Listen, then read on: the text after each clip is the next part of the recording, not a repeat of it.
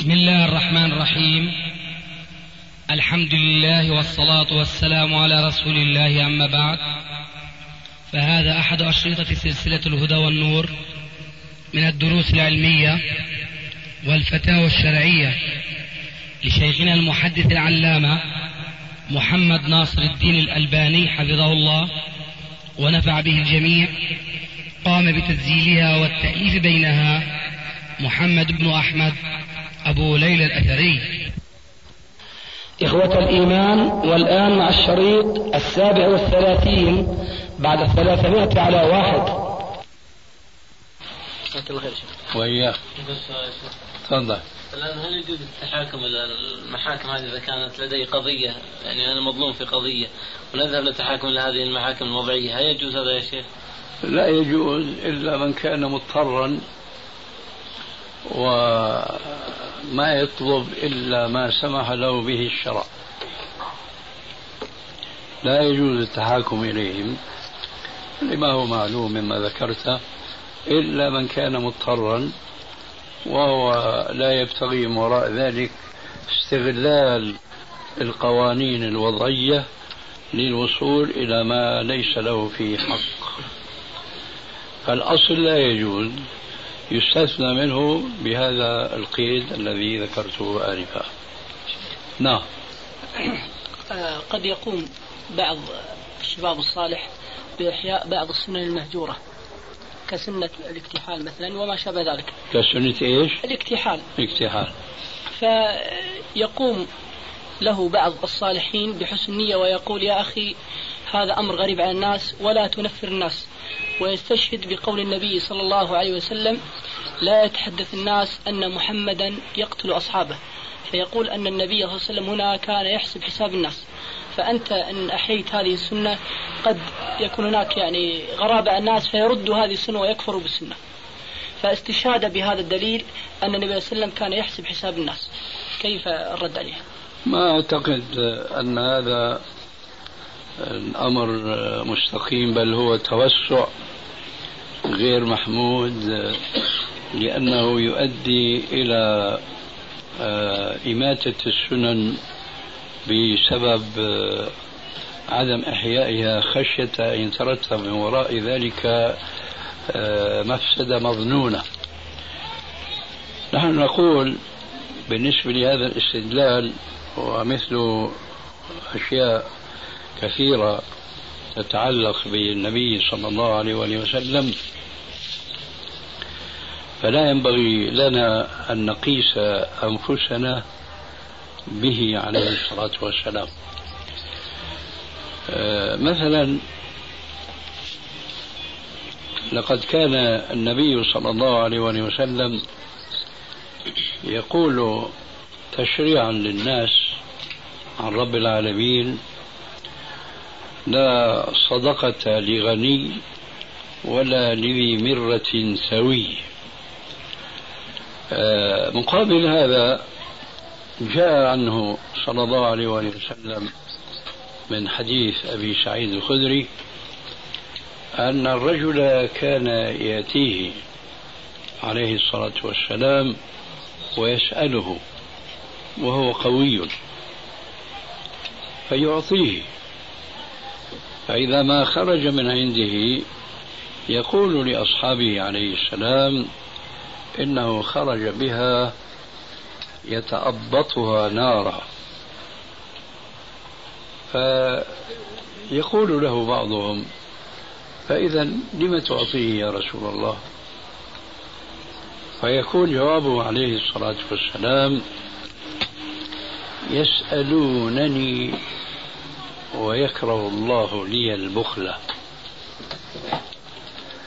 فمقام النبوة آه، دونه كل مقامات الناس والصالحين فإذا كان الرسول صلى الله عليه وسلم آه، يمتنع عن شيء خشية أن ينال منه صلى الله عليه وسلم أو يفعل شيئا لو لم يفعله قد يقال فيه ما لا ينبغي أن يقال فهذا حكم خاص به عليه الصلاة والسلام.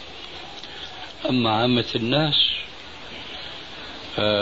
على العكس من ذلك يجب نحن أن نحض المسلمين بعامة وطلبة العلم منهم بخاصة وأهل العلم بصورة أخص على أن لا يبالوا بالناس وأن يحيوا ما أماته الناس من سنن النبي صلى الله عليه وآله وسلم. لكن في هذه الحالة لتخفيف المحظور الذي قد آه، يترتب بالنسبة لبعض الناس الذين يفاجؤون بإحياء السنة من سنن النبي صلى الله عليه وسلم يبين للناس في حدود استطاعة المبين بأنه هذا الأمر سنة حض النبي صلى الله عليه وسلم عليها أو أمر بها ونحن نقوم بها إحياء واكتسابا للأجر المعروف بالنسبة لمن يحيي السنة ومن أصح ذلك التبيين هذا يمهد قبل أن يفعله أم بعد ما يفعل هذه السنة المحجوبة ما في مانع أن يقترن لا. يقترن ذلك مع السنة. وهذا طبعا يختلف من شخص إلى آخر. بمعنى عامة المسلمين لا يكلفون بمثل هذا البيان لأنهم لا يستطيعون فحسب هؤلاء أن يحيوا هذه السنة. ولكن أنا لا أتصور أن فردا من أفراد المسلمين من عامتهم يستقل بإحياء السنة إلا ويكون قد سبق إليها من أهل العلم أو من أفراد من طلاب العلم. فلدفع ذاك المحظور يقوم به ذلك العالم الذي أحيا السنة أو طالب العلم الذي أحيا هذه السنة. فحينئذ يزول المحظور بمثل هؤلاء العلماء أو طلاب العلم. أما عامة المسلمين فحسبهم أن يقوموا بالسنة. هذا الذي أراه في هذه المسألة. شيخ عهدي بفضيلتكم أنكم من أشد الناس محاربة لمن يصرفون الأحاديث عن ظاهرها دون دليل. نعم. ولكن قرأت لكم في السلسلة ما يخالف ذلك. تفضل. قول النبي صلى الله عليه وسلم الراكب شيطان والراكبان شيطانان والثلاثة ركب. فتقول في شرح هذا الحديث وفي هذه الأحاديث تحريم سفر المسلم وحده وكذا لو كان معه آخر. بظاهر النهي في الحديث الذي قبل هذا ولقوله فيه شيطان أي عاصي ثم ذكرت بعض أقوال العلم ثم ختمت بقولك ولعل الحديث أراد السفر في الصحاري والفلوات التي قلما يرى المسافر فيها أحدا من الناس فلا يدخل فيها السفر اليوم في الطرق الم... في الطرق المعبدة الكثيرة المواصلات. نعم. فدليل التفريق شيخ. نعم. أولا يا أخي أه لعلك تعلم أن الأحكام الشرعية أه لا تساق مساقا واحدا في فهمها.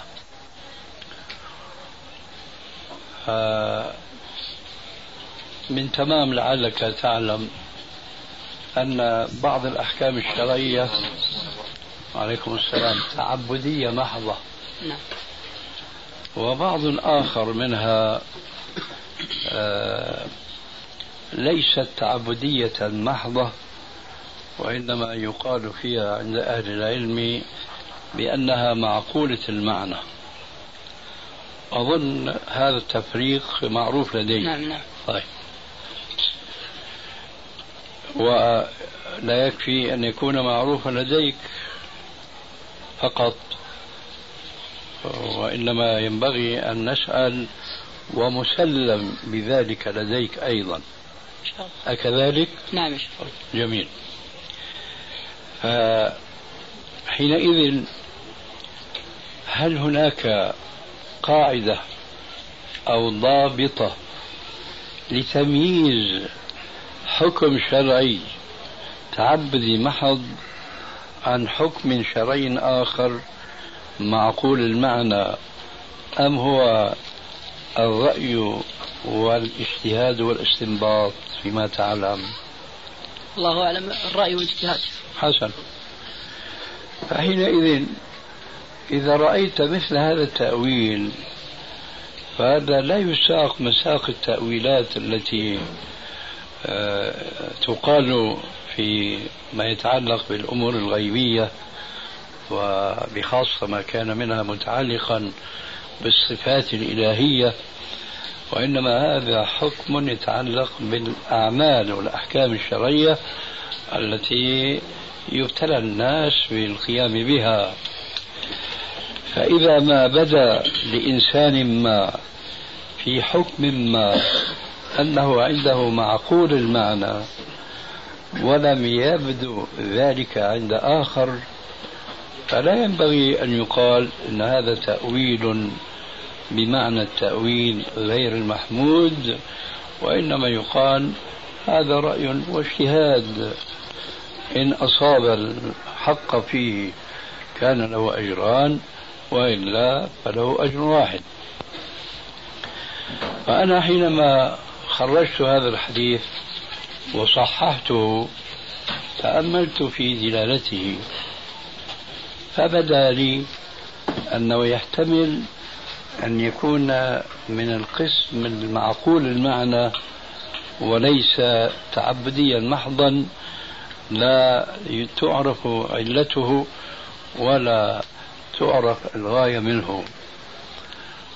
ولعلك تشعر بأنني ما جزمت بذلك بل قلت لعل. نعم. فحينئذ لا أعتقد أنه يرد علي شيء من المؤاخذة لأنني ملت أو كدت أن أميل إلى أن هذا الحكم هو ليس تعبديا محضا وإنما هو روعي في مصلحة المسافر لوحده أو معه رجل ثان بل لابد أن يكون هناك ثالث. إذا كان بقى عندك شيء آه، نستفيده لإبطال لعل هذه فجزاك الله خيرا. بس شيخ يعني المحظور قد يقع الآن حقيقة الطرق معبدة لكن أحيانا قد تكون بين مدينة ومدينة 200 أو 300 كيلو فقد يسير لوحدة وتتعطل الراحلة فيعني يتعرض قد يعني للصوص أو ما شابه ذلك. فالمحظور موجود يعني. ما أعلم إيش رأيك المحظور موجود ليس بالنسبة التي يعني كانت كان موجودا في ذلك العهد. في تفاوت. في تفاوت والتفاوت كبير وكبير جدا. ولذلك يعني بالتعبير في بعض البلاد مكانك راوح لا نزال في نفس القضية إنما هو الرأي والاجتهاد. نعم. هل يجوز أن نبايع من لا يحكم بما أنزل الله؟ هل يجوز إيش؟ بيع الآن في الحديث من عمر أن يعني من لم يبايع ومات مات ميتة جاهلية. فكيف نبايع الآن مثلا في حكام لما ما يحكم بغير ما أنزل الله؟ إيش تبايع يعني ما فهمت بيع للإمام يعني أو الحاكم مثلا. كيف نبايع مثلا إذا كان هو يحكم بغير ما أنزل الله؟ مين قال لك أنه في بيع اليوم؟ البيع لا تكون إلا للخليفة الذي يختاره المسلمون جميعا. آه وهل يجوز تعدد الحك لا ما يجوز. ما يجوز. أحسن الله إليك يا شيخ. عندي سؤال عن الرشوة. نعم. عندي سؤال عن الرشوة. رشوة نعم. في شقين.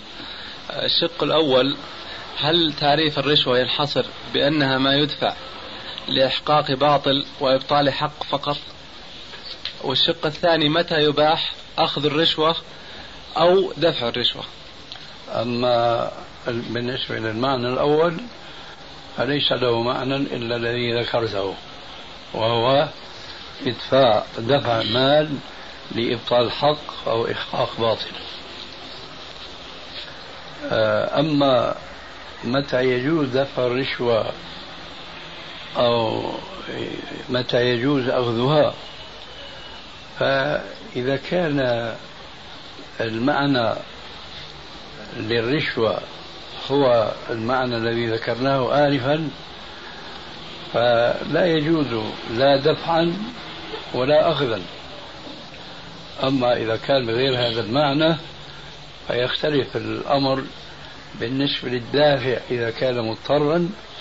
أما الآخذ فلا يتصور أن يكون مضطرا فبالنسبة للآخذ لا يجوز بأي وجه من الوجوه أما بالنسبة للدافع فينظر في ذلك الضرورة إن وجدت جاز وإلا فلا أما في حال تكون المال يدفع لإحقاق حق أو إبطال باطل فهذا يجوز بالنسبة للدافع ولا يجوز بالنسبة للآخذ واضح؟ واضح بس ماذا يسمى هذا النوع؟ ليس برشوة إذا أيوه النوع الأخير اللي هو مثل ما يفعل أصحاب السلاطين مثلا يكون أيوه. حق لفرد من الأمة أيوه. فيمنعونه عنه حتى يدفع شيئا هذا ماذا أيوه. يسمى إذا لم هذا طبعا ما يجوز أما ما الذي يسمى فيمكن أن يقسم ذلك بالنسبة للقابض بالنسبة إليه رشوة لأنه أخذ مالا بدون حق نعم. أما الذي دفعه فدفعه بحق فبالنسبة للقابض إذا هو رشوة. أما بالنسبة للدافع فلا. لأن العلة اختلفت ما بين الدافع وما بين القابض هذا هو الجواب. طيب ما ضوابط الدفع؟ يعني أحيانا كثير من الناس الحاصل عند أي عقبة يدفع مباشرة مما في ذلك تشجيع لهم على لا هذا ما يجوز لأنه لا يجوز لأي مناسبة بل عليه أن يجتهد ليصل إلى حقه بالطريق المشروع الذي لا يساعد فيه غيره على أن يتعاطى أمرا غير مشروع. فيجب أن يعني يجتهد لكي لا يجعل المسلم يقع في المحظور الذي ذكرناه آنفا. مباشرة وطفرة لا يجوز. النبي صلى الله عليه وسلم نهى عن التشبه باليهود والنصارى. أيوه. فما ضوابط هذا التشبه؟ يعني هل هو في جميع الأمور الدينية والدنيوية المميزة وغير المميزة؟ نعم. لا شك أن ما كان من الأمور الدينية عند المخالفين الإسلام فهي كلها مما آه، ينهى المسلم أن أن يتشبه بهم فيها. أما ما لم يكن من أمورهم الدينية وإنما هي من عاداتهم فهذه ينظر إليها بالتفصيل التالي. إذا كانت عادة من تلك العادات و ولو لم تكن من القسم الأول من العبادات عندهم ومما يأمرهم دينهم بذلك ولو كان هذا الدين منحرف كما هو معلوم. فننظر إلى هذه العادة. إذا كانت عادة اختص الكفار بها فحينئذ يظل حكم النهي عن التشبه بهم واردا. آه، وفي الحال الأخرى إذا لم تكن هذه العادة خاصة بهم فهي لا تكون لا يكون المسلم متشبها بهم فيها ولكن المسألة في الشرع تأخذ طورا آخر وهو يدخل في باب قصد المخالفة للمشركين. فهناك تشبه بالمشركين وهناك قصد لمخالفة المشركين. في قصد المخالفة ليس من الضروري أن نتصور بأن المسلم إذا فعل فعل الكفار وكان هذا الفعل ليس من عاداتهم الخاصة بهم فليس من الضروري أن نتصور بأنه في الوقت الذي هو لم يتشبه بهم فليس معنى ذلك أنه لا يشرع له أن يتقصد مخالفتهم في ذلك الفعل ولو لم يكن من عادتهم أو شعارا لهم.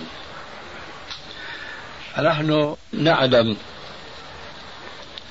من بعض الأحاديث النبوية أن قصد مخالفة المشركين في عاداتهم غاية مشروعة في الإسلام لأن النبي صلى الله عليه وسلم كان يعلل بمخالفة الكفار بعض الأوامر التي أمرنا بها.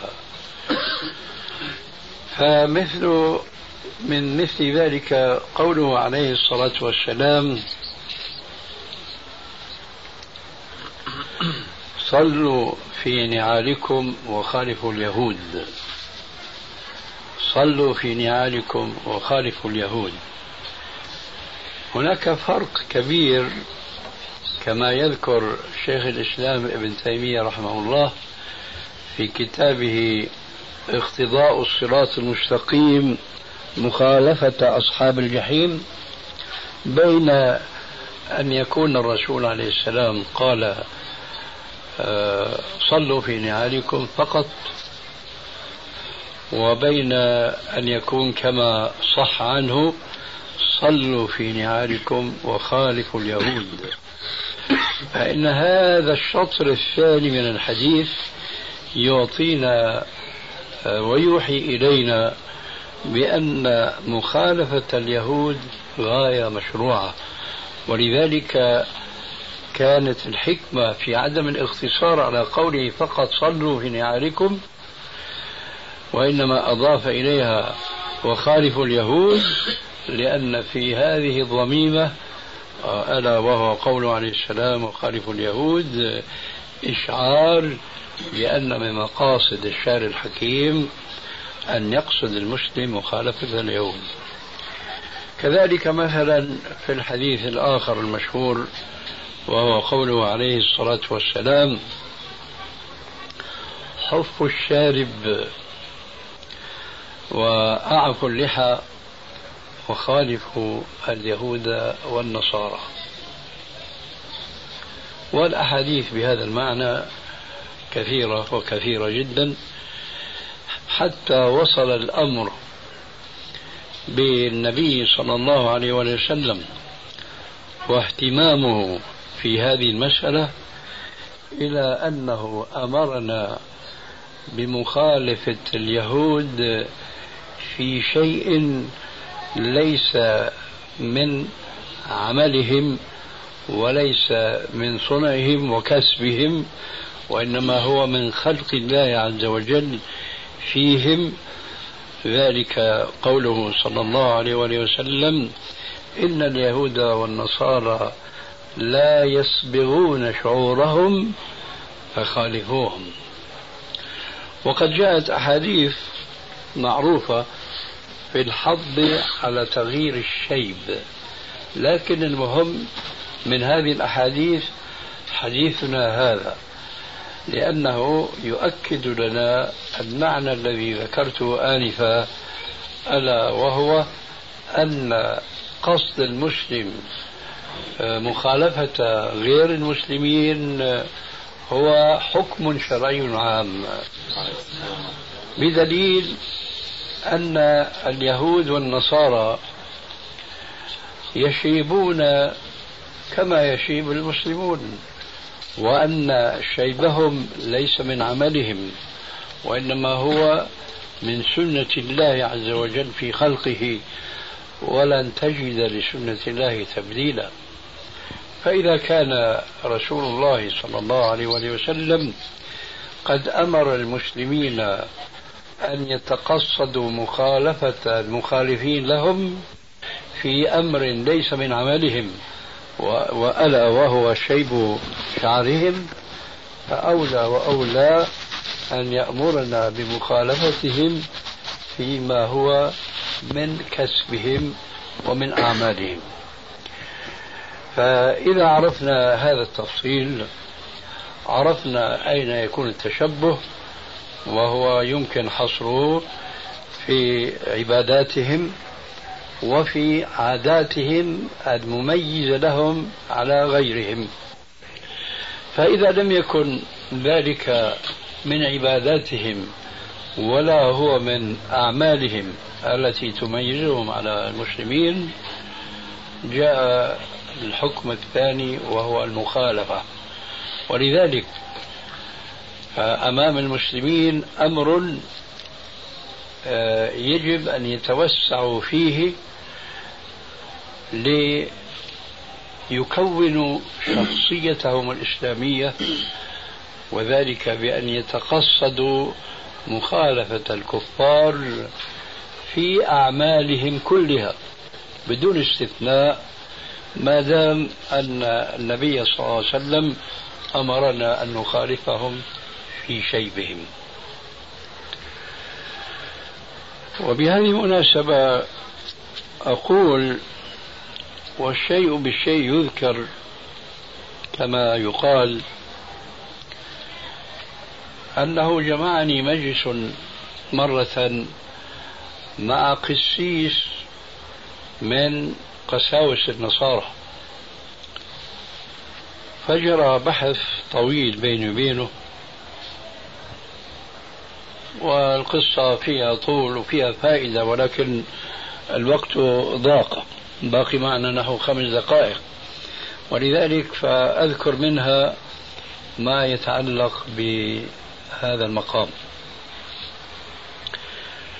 لقد أنكر هذا القسيس على المسلمين أنهم حكموا بكفر الذي كان من قبل يسمى بمصطفى كمال باشا ثم سمي بأتاتورك أبو الأتراك والذي يعني حاد بالأتراك المسلمين عن كثير من أحكام دينهم كما هو معلوم.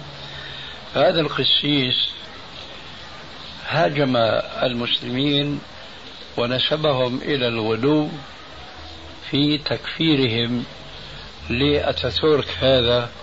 بزعمه هو أنه لم يصنع شيئا يذكر ويستحق عليه التكفير سوى أنه فرض على الشعب التركي القبعة البرنيطة. معروفة هذه البرنيطة عندكم. وهي القلنس والتي لها مظلة. إما مظلة كاملة أو مظلة أمامية. فكان ردي عليه من ناحيتين. الناحية الأولى ولا أطيل فيها أن الرجل لم يخالف الإسلام فقط في هذه الناحية. وإنما غير كثيرا من أحكام الشريعة منها أن جعل للأنثى في الإرث مثل حظ الذكر. أما فيما يتعلق بمسألة البرنيطة فهنا أنا خضت معه بحثا طويلا خلاصته أن الإسلام من كماله أنه وضع أحكاما وتشريعات في سبيل أن يحافظ المسلمون بها على شخصيتهم الإسلامية لكي لا ينماعوا مع الزمن في شخصية أمة أخرى. وذكرت له رجل مع الأسف مثقف بأن علماء الاجتماع يقولون بأن أي شعب يريد أن يحافظ على شخصيته فعليه أن يحافظ على تقاليده وعلى تاريخه وعلى لغته. هذا أمر مسلم لديهم في علم الاجتماع. فقلت له فكان من فضل الإسلام وكمال تشريعه أنه شرع للمسلمين أن يحافظوا على شخصيتهم المسلمة وأن لا يتشبهوا بالمخالفين لهم بل وأن يتقصدوا مخالفتهم كما شرحت لكم آنفا. هذا الرجل أتاتورك وهنا الشاهد من هذا المثال.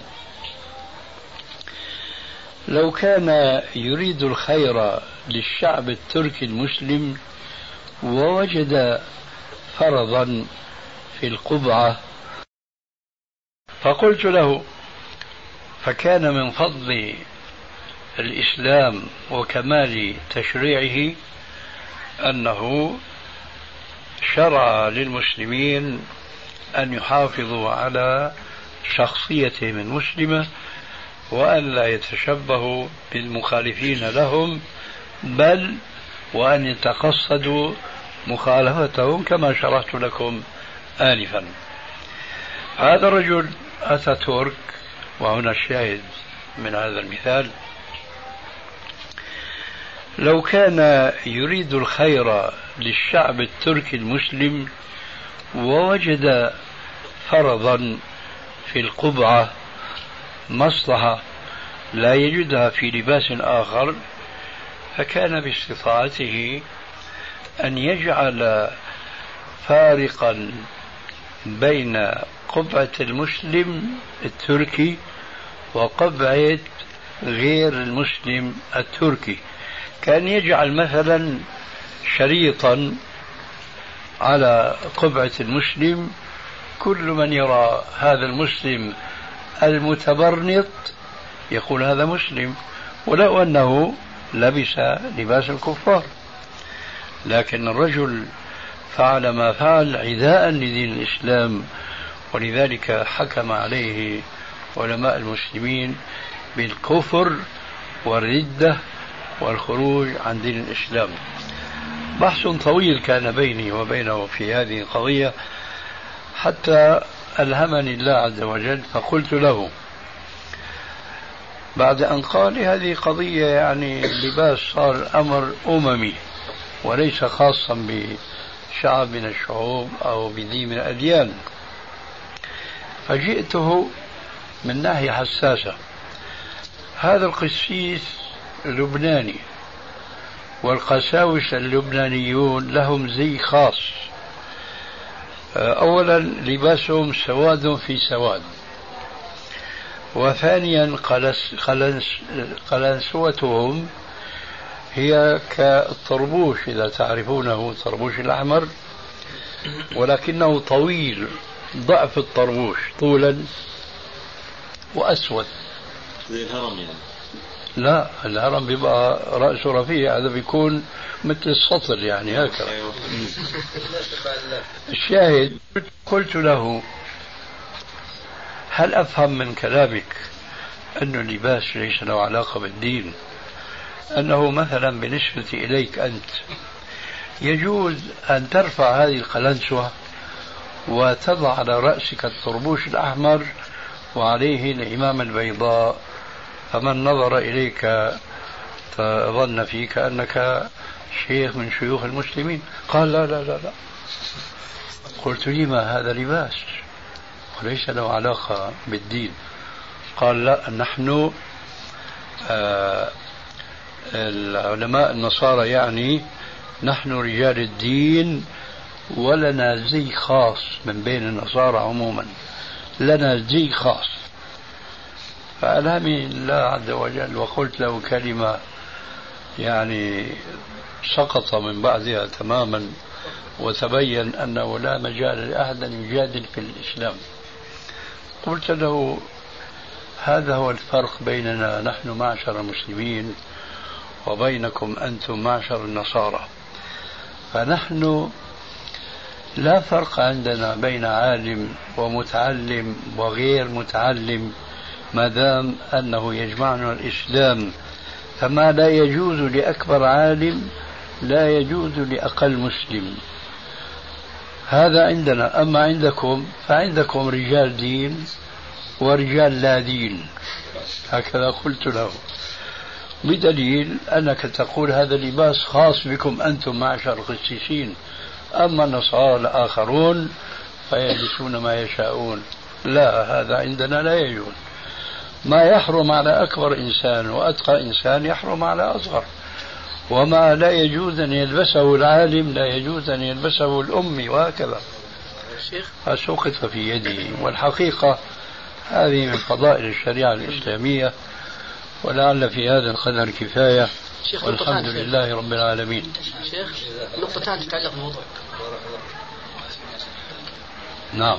نقطتان تتعلق بالموضوع. ال- الأمور ذكرت أن التشبه في الأمور الخ... العادات الخاصة آه، تشبه المحرم لكن ال- الأمور التي كانت خاصة ثم أصبحت عامة لجميع الناس هل يندرج الحكم أو يصطحب الحكم؟ لا تنسى المرحلة الثانية المخالفة المخالفة واجبة هذه النقطة الثانية. وكيف لا ما سمعت الأمر من الرسول في أكثر من حديث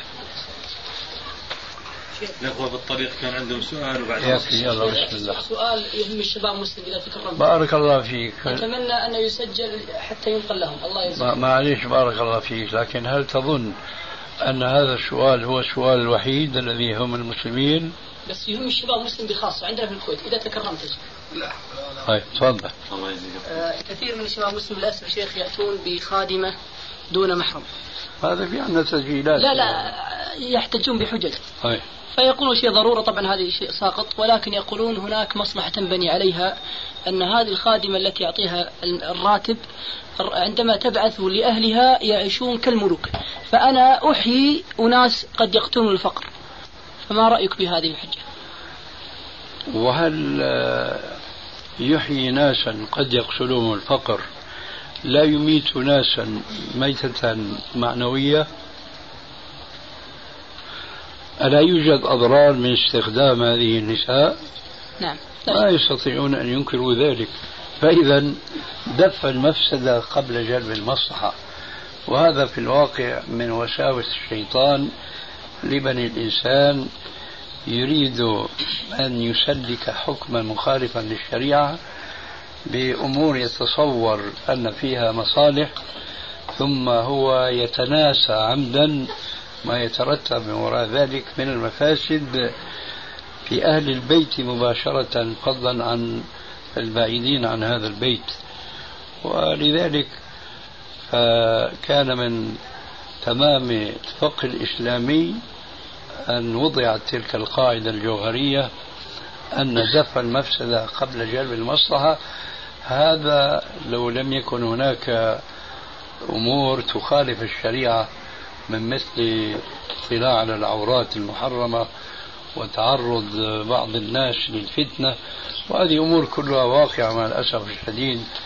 ولذلك فالشبه بارك الله فيكم لا تنتهي والجواب عليها أيضا لا تكاد تنتهي. فعلينا نحن أن نلتزم الأحكام الشرعية ولا يضرنا وساوس بعض الناس التي يلقونها تجاه ما هو معلوم شرعا أنه لا يجوز فيه والحمد لله رب العالمين. أعلم هذا بس حتى تنقل الفتوى لهم جزاك الله خير. جزاك الله خير. يعطيك العافية. تضبط لك إياها. إيه، ضبط لها لا هو بيقصد خمسة. نحن مسافرون فنريد اعذرونا يا جماعة لأنه الكلام الكثير كما كما ترون يعني يحرك فيه السؤال. معلش لو اجلوه الله يجزيكم الحمد لله بخير. طيب. رياض معك. أهلا. من طلبة العلم بالخرج. أهلا. آه، عندي بعض الاستفسارات أريد الإجابة عليها إن أمكن. تفضل. السؤال الأول حديث الواهنة. نعم. حديث الواهنة. آه. آه، من آه، قرأته ضعيفا. نعم. في كتب آه، محمد بن عبد الوهاب. أيوة. يستشهد به. إيه. هل يجوز الاستشهاد به؟ آه، بحكم الت- التمريض بصيغة التمريض؟ يستشهد به مع بيان ضعفه. مع بيان؟ ضعفه. جزاك الله خير. وإياك. حياك الله. وإياك. الاستفسار الثاني. نعم. العمرة للحاج مفرد بعد الحج. لا يشرع. لا يشرع. لا. ولو أتى بها. مردود عليه لأنه كان عليه أن يتمتع بالعمرة إلى الحج فهو عكسه. بس كان جاهل يا شيخ. يعلم. أداها. يعلم أداها أمره إلى الله إن كان معذورا أو لا. جزاك الله خير. وإياك. آه، السؤال الثالث. نعم. حكم الاتجار بالتماثيل. عياذا بالله. ما يجوز ها؟ لا يجوز. هل ثبت آه، رؤية الله في المنام؟ آه، ثبت أن النبي صلى الله عليه وآله وسلم رآه. ثبت. أي نعم. يعني لو واحد قال رأيت الله. أقول ثبت أن النبي صلى الله عليه وسلم رآه. نعم. أما بالنسبة لغيره عليه السلام نعم. فليس عندنا ما يثبت أو ما ينفي. فالله أعلم. والله أعلم. أي نعم. إمام صلى ولم يسجد السجدة الثانية. ونبهه من خلفه ولكن لم يرد. واستمر في صلاته؟ خلاص السؤال. نعم طيب وماذا فعل بعد أن سلم؟ سجد للسهو. لا ما يكفي. لازم يعيد الركعة أو يجيب السجدة. ويجيب السجدة؟ أي نعم. بعدين يسجد سجدتي السهو. تعتبر ركعة لاغية؟ تعتبر الركعة لاغية إيه، تكلم واحد وقال يقوم واحد من المصلين تبرع واحد من المصلين ويقول يا شيخ لقد نسيت ركعة أو واحد يضربه من الخلف. يضرب من؟ الإمام يعني ينبهه أنك نسيت سجدة في الصلاة ولا بعد الصلاة؟ لا أثناء الصلاة. كيف يعني ينبهه؟ يعني واحد وراء يعني ين- ينخز في ظهره لكن هو حيفهم من النخز أي خطأه؟ يعني واحد يت- يتبرع أنه لا ما يجوز. لا يجوز. حرام. جزاك الله. وآخر سؤال. نعم. آه إمام أفتى أن من لم ي- يقنط في الفجر تبطل صلاته. جاهل باتفاق الأئمة. القنوت جاهل باتفاق الأئمة. جزاك الله خيرا يا أبا عبد الرحمن. وإياك يا أخي. نحن من الذين كنا في استقبالكم بالخرج. أهلا مرحبا بك. وسلم عليه وعلى كل من حواليك. وجزاك الله خيرا. وإياك يا أخي. السلام عليكم. وعليكم السلام ورحمة الله وبركاته. نعم. حديث العينان وكاسة. إيه. ذكرت حضرتك أن أنهم أو أن الوضوء ال- النوم مطلقا ينقض الوضوء. إيه نعم. فالإمام الشوكاني يذكر حديث أن أنس كان يقول أن الصحابة كانوا ينامون ويقومون ويصلون ولا يتوضؤون إيه فهذا الكلام صحيح وكيف الجمع؟ ومن الذي يقول أن الإنسان إذا نام ما بينتقد وضوءه؟ يعني ذكروا الإمام الشوكاني. أجبني عن السؤال الله يهديك. ذكره الإمام الشوكاني أو غيره.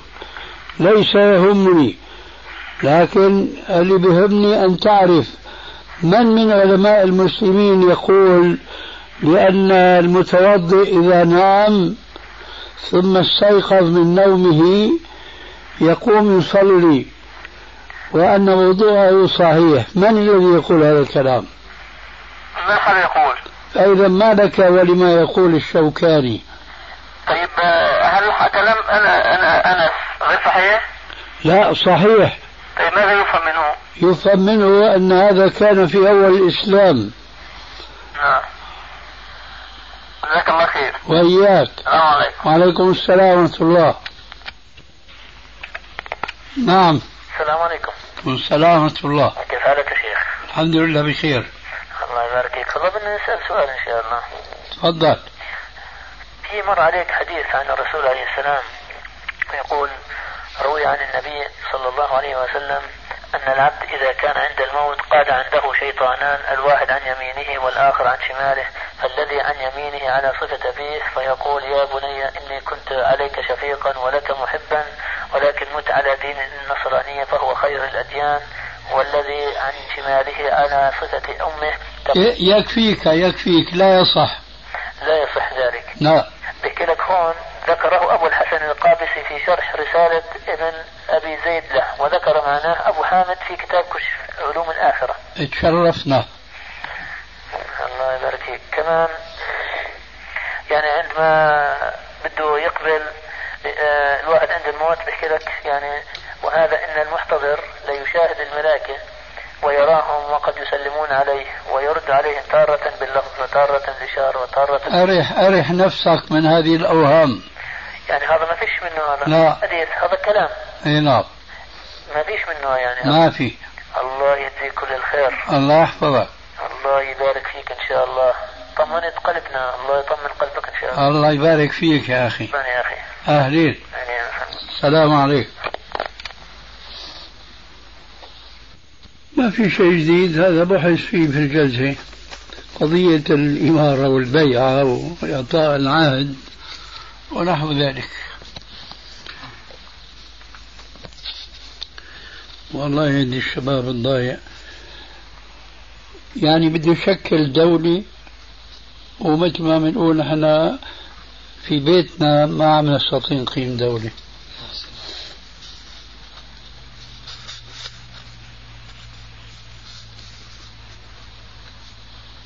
يعني هذا شيخنا الأخ يعني يريح حاله. لأنه هو طبعا بطلب مقابلتكم فقال أنا أريد يعني إرسال هذه الأسئلة للشيخ قبل أن آتي. إي نعم يريح باله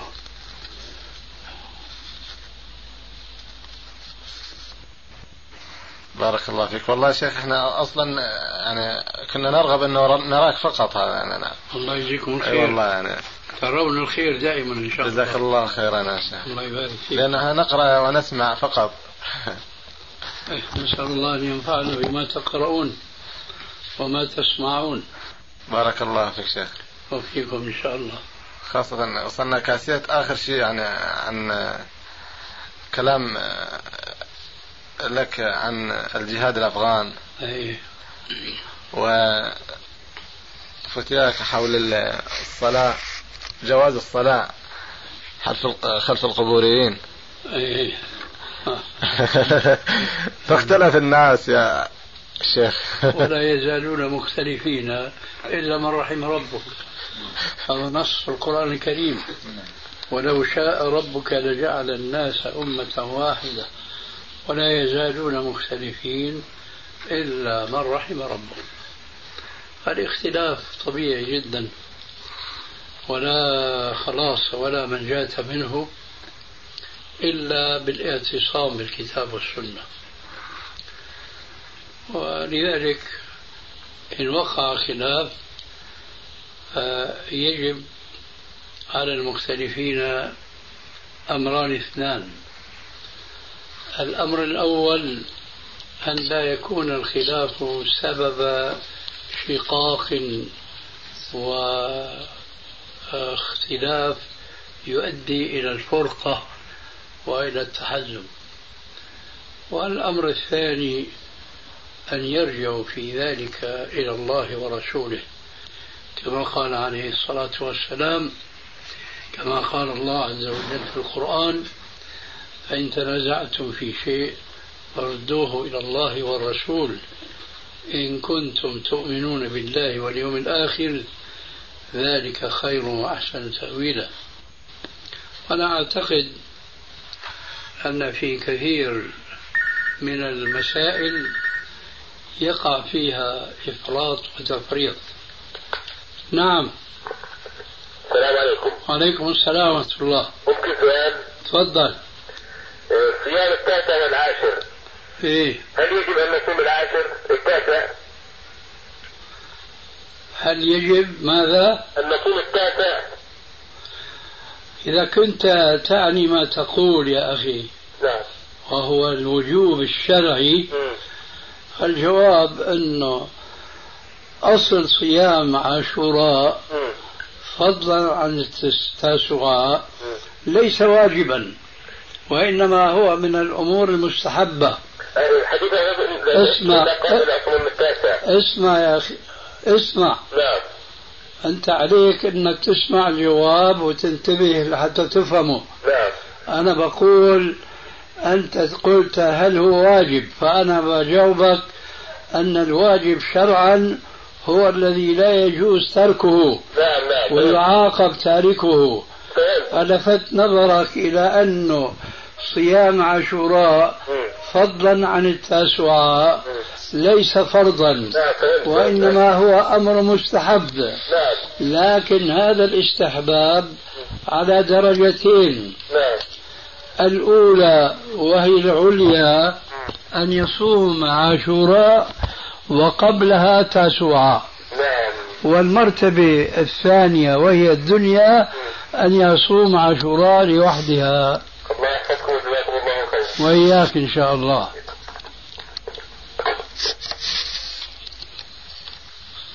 نعم إيه، فأردت أن أقول أن كثير من المسائل يقع فيها إفراط وتفريط. فكثير من إخواننا المتمسكين بالسنة يرون عدم الصلاة وراء المبتدعة.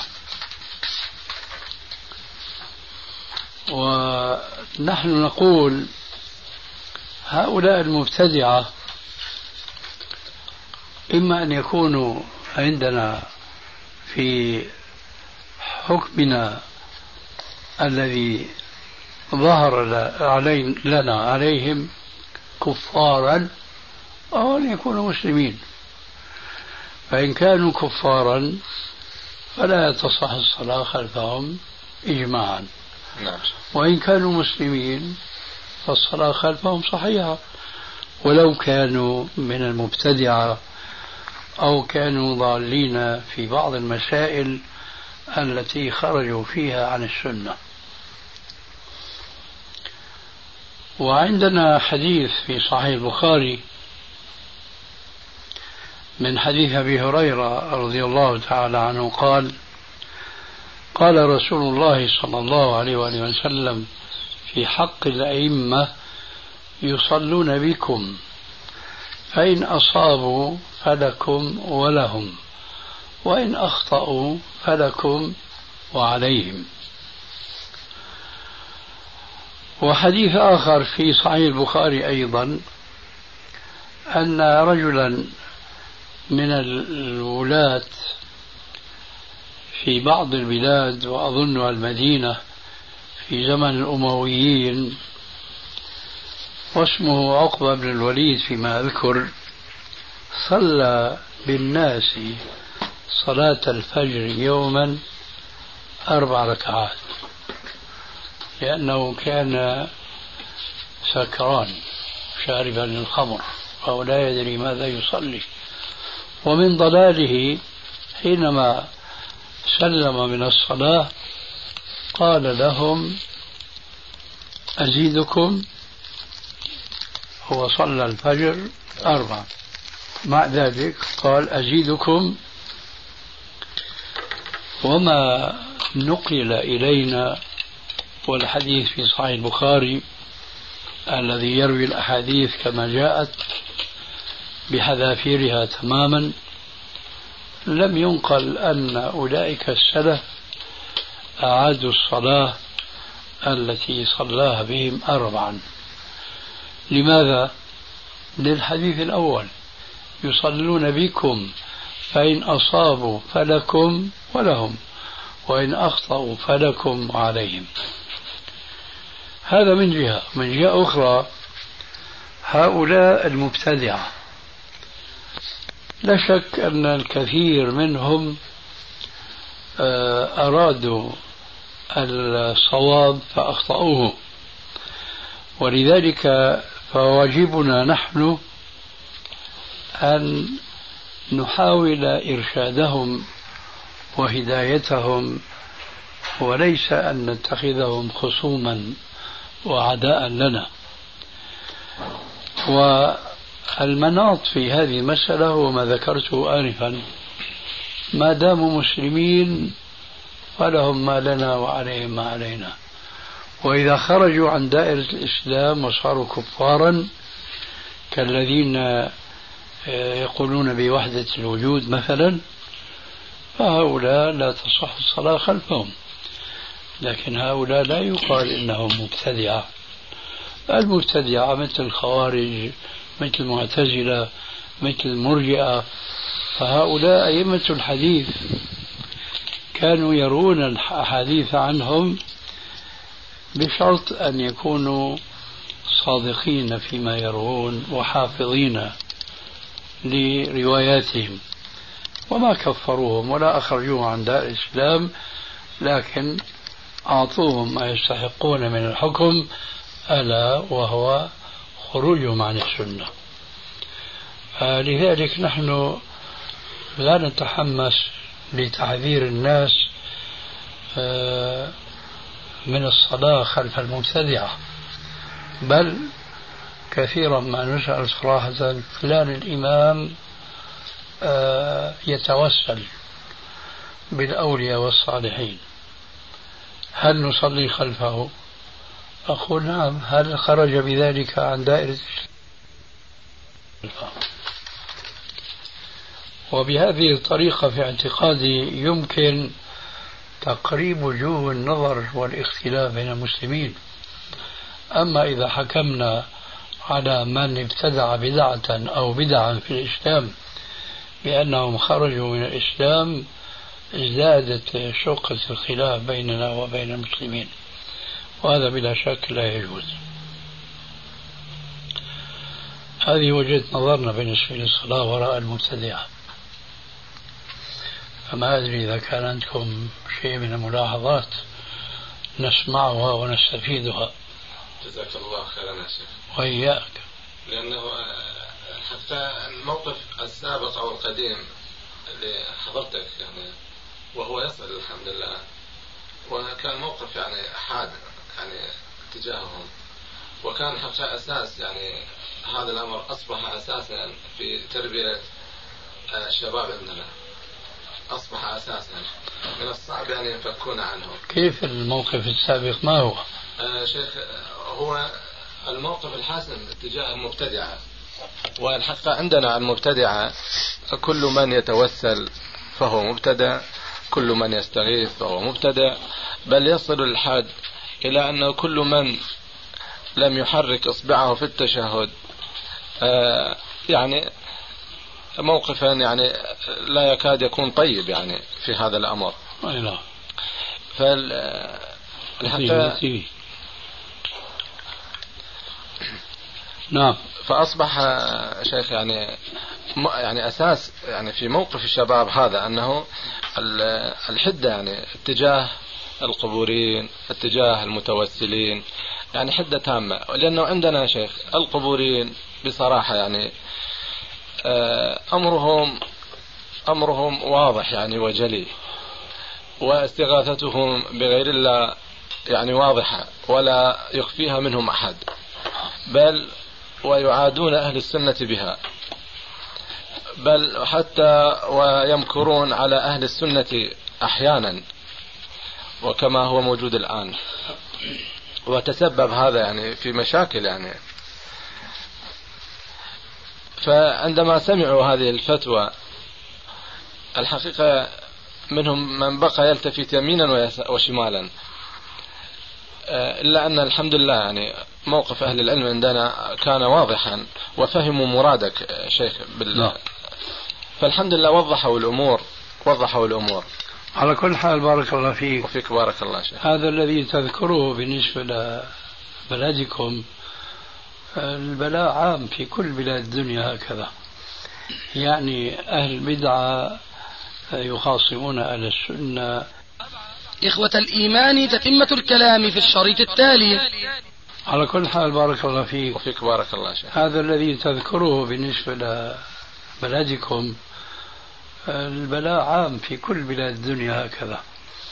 يعني أهل البدعة يخاصمون أهل السنة وينبذونهم بكثير من الألقاب السيئة ولا يكتفون بذلك بل يتقولون عليهم الأقاويل ويفترون عليهم الأكاذيب.